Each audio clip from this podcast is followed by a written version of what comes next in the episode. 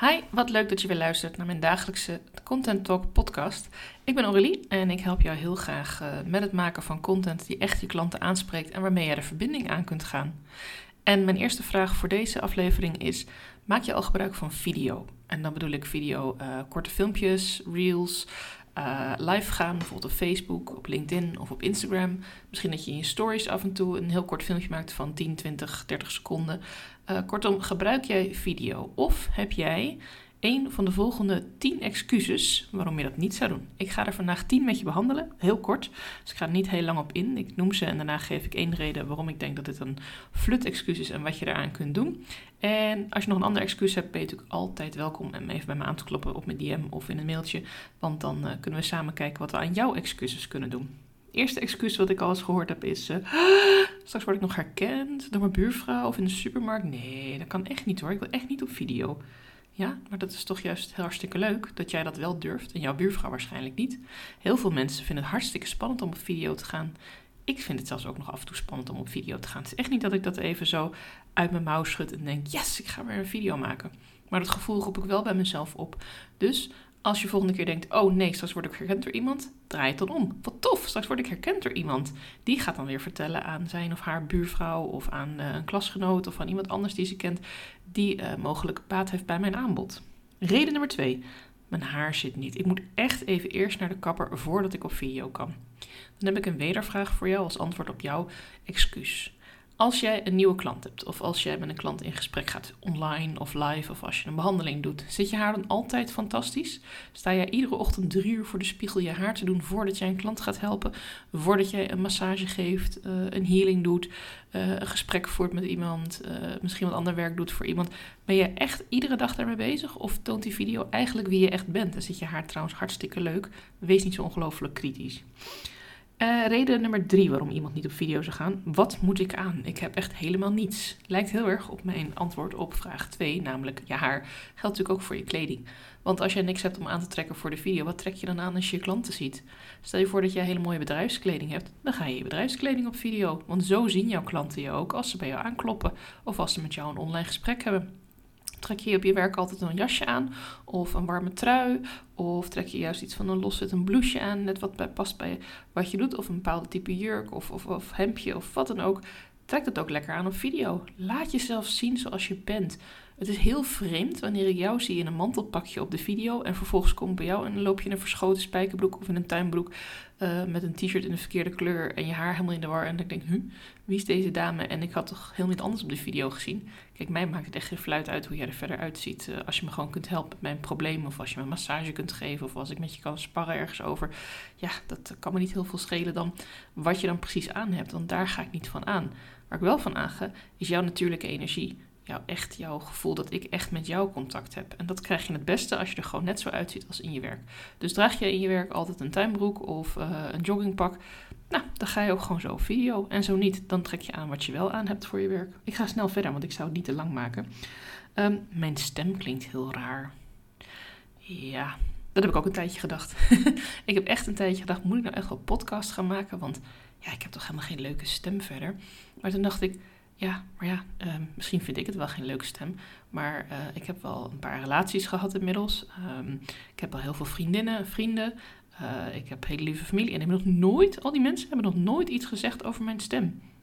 En bovendien, als iemand een goed verhaal heeft, ja, dan is het soms een beetje irritant als diegene heel snel praat. Of als diegene een beetje hoog praat. Of als diegene langzaam praat. Maar als het een goed verhaal is, dan wen je daar wel aan. Dan ben je binnen één of twee minuten gewend en dan denk je, nou ja, dat hoort er dan gewoon bij. Ik vind het belangrijker om naar de inhoud te luisteren van die persoon, in jouw video bijvoorbeeld, dan hoe die stem verder klinkt. Dus en in 19 eh, sorry, ik begin opnieuw. In 9 van 10 gevallen zal jouw stem prima klinken en is er helemaal niets mis mee.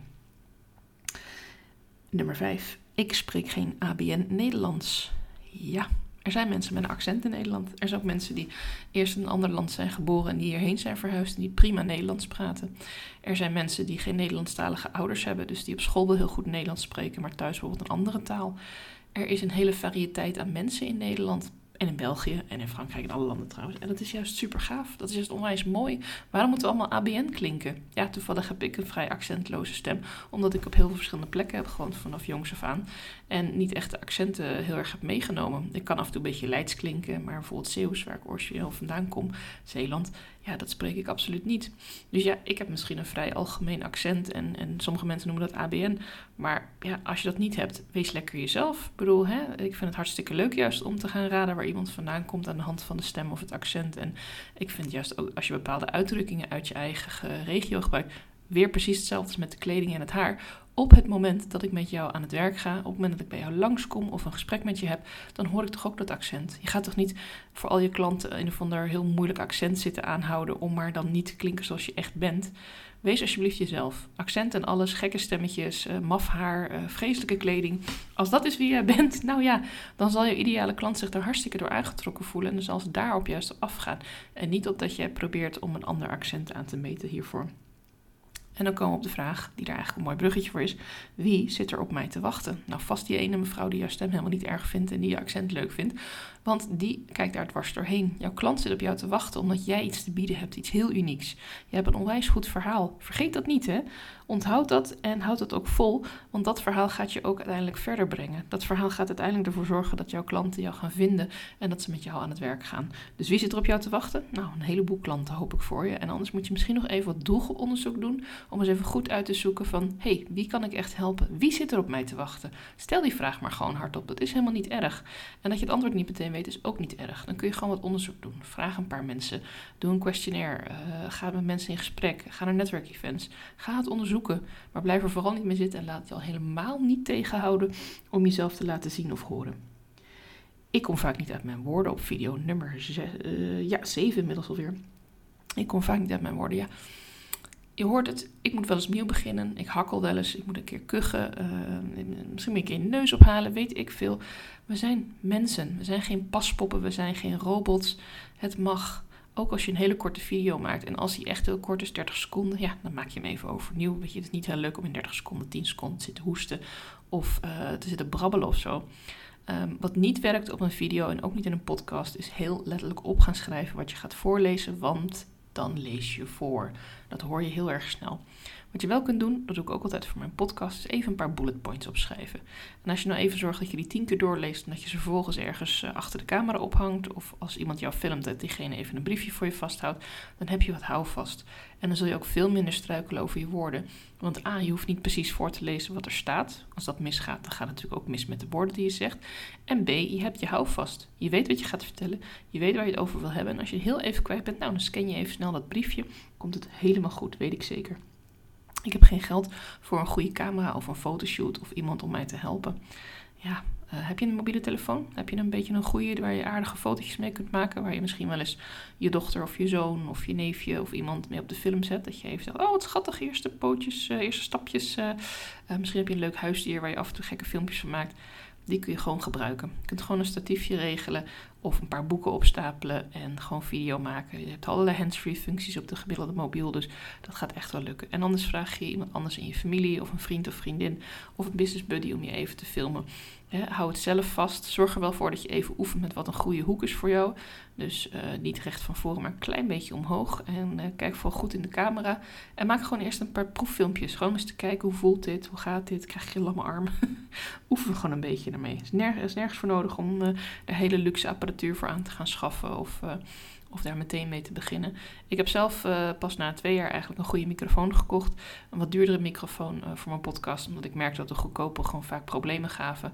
En ja, ik gebruik nu dagelijks mijn podcast voor mijn podcast, mijn microfoon voor mijn podcast, niet Zie je, ik spreek me af en toe ook. En ik heb regelmatig meetings online. Dus ik vind het ook gewoon fijn dat die microfoon het altijd goed doet. En niet de hele tijd hapert. Want dat kost gewoon veel tijd. Ook in een meeting bijvoorbeeld. Dus ja, je kunt af en toe investeren in dingen. Maar dat kan geen reden zijn om niet te beginnen met video. Nummer 9, de ene laatste. Mijn doelgroep leest veel liever artikelen, boeken, tijdschriften, stukjes tekst. Die kijkt helemaal geen video. Weet je dat zeker? Heb je dat aan je doelgroep ook gevraagd? Heb je wat onderzoek gedaan daarnaar? Heb je ze allemaal persoonlijk gesproken? Het zou best wel kunnen zijn dat je zelf niet zo dol bent op video. Of dat je zelf een excuus zoekt om niet op video te gaan. Ja, dan is het heel makkelijk om te zeggen: ja, maar ja, tante Annie kijkt ook niet graag naar video. Oh nee, kijkt ze geen televisie? Of uh, kijkt ze geen YouTube? En misschien zijn er ook wel andere mensen die nog niet in jouw huidige doelgroep vallen, waarvan je ineens weet dat ze jouw aanbod goed kunnen gebruiken, die juist wel heel graag video kijken. En voor heel veel zaken rondom therapie, coaching, hulp, uh, is het juist heel erg fijn om te weten met wie ga ik in zee. Uh, wie is deze persoon? Hoe praat ze? Hoe beweegt ze? Wat voor gevoel krijg ik erbij? En pictures says more than a thousand words. Dat geldt ook hiervoor. Echt, beeld zegt zoveel meer dan een tekstje. Tekst is nog steeds hartstikke effectief en mooi. Mensen kunnen tijd voor nemen om te lezen. Mensen kunnen terugkijken. Uh, ze hoeven niet een hele video te gaan kijken als ze daar geen zin in hebben. Ze kunnen de tekst ook even scannen. Maar echt, voor verbinding maken vind ik video nog steeds een hele mooie tool. En de laatste, die ik ook wel heel vaak hoor, maar eigenlijk hoor ik hem niet. Want eigenlijk is dat degene die je niet hardop durft te zeggen, waardoor je andere negen dan het excuus gebruikt. Maar eigenlijk zit dit er volgens mij achter. Ik durf niet. Ja, dat is wel uh, een lastige ja, als je niet durft. Want wat doe je dan? Stel nou voor dat je het hartstikke spannend vindt om op video iets te gaan delen over je aanbod of over jezelf. Of een leuke tip te delen of misschien een verhaal te vertellen en daar indirect iets over je aanbod te delen. Bijvoorbeeld doordat je iets vertelt over waar jij de expert in bent. Ja, uh, wat kan ik daarvan zeggen? Doe het gewoon lekker wel. En hoe begin je dan? Want je vindt het natuurlijk nog steeds spannend. En als ik zeg doe het lekker wel, daar heb je helemaal geen fluit aan. Pak gewoon je camera, ga gewoon wat filmpjes maken. Maak ze buiten, maak ze op je kantoor, maak ze het in de keuken. Maakt niet uit, zoek ergens een rustige achtergrond. Ga ze gewoon maken. Maak een bullet point lijstje uh, wat je wil gaan vertellen. En maak er gewoon eens een, een stuk of vier, vijf. En als er dan eentje goed bij zit, deel hem gewoon een keer. Eerst als story, dan is hij na 24 uur meteen weer weg. En dan zul je merken dat mensen het hartstikke leuk vinden. En dat je hele positieve reacties krijgt. Dat je meer volgers krijgt doordat je video. ook Dat ook meer mensen je gaan volgen en ook je aanbod uh, meer over willen weten. Dat meer mensen gaan aanhaken als je iets gaat presenteren. Bijvoorbeeld, ik ga een leuke actie doen. Of ik ga een weggever promoten. Of ik ga mijn aanbod promoten. Mensen kopen van mensen. Leg die verbinding. Start met video. Staat jouw excuus er niet bij? Stuur me dan even een bericht. Dan kijken we samen hoe we jouw excuus kunnen tackelen. En ik hoor je graag bij mijn volgende podcastaflevering. Hele fijne dag nog.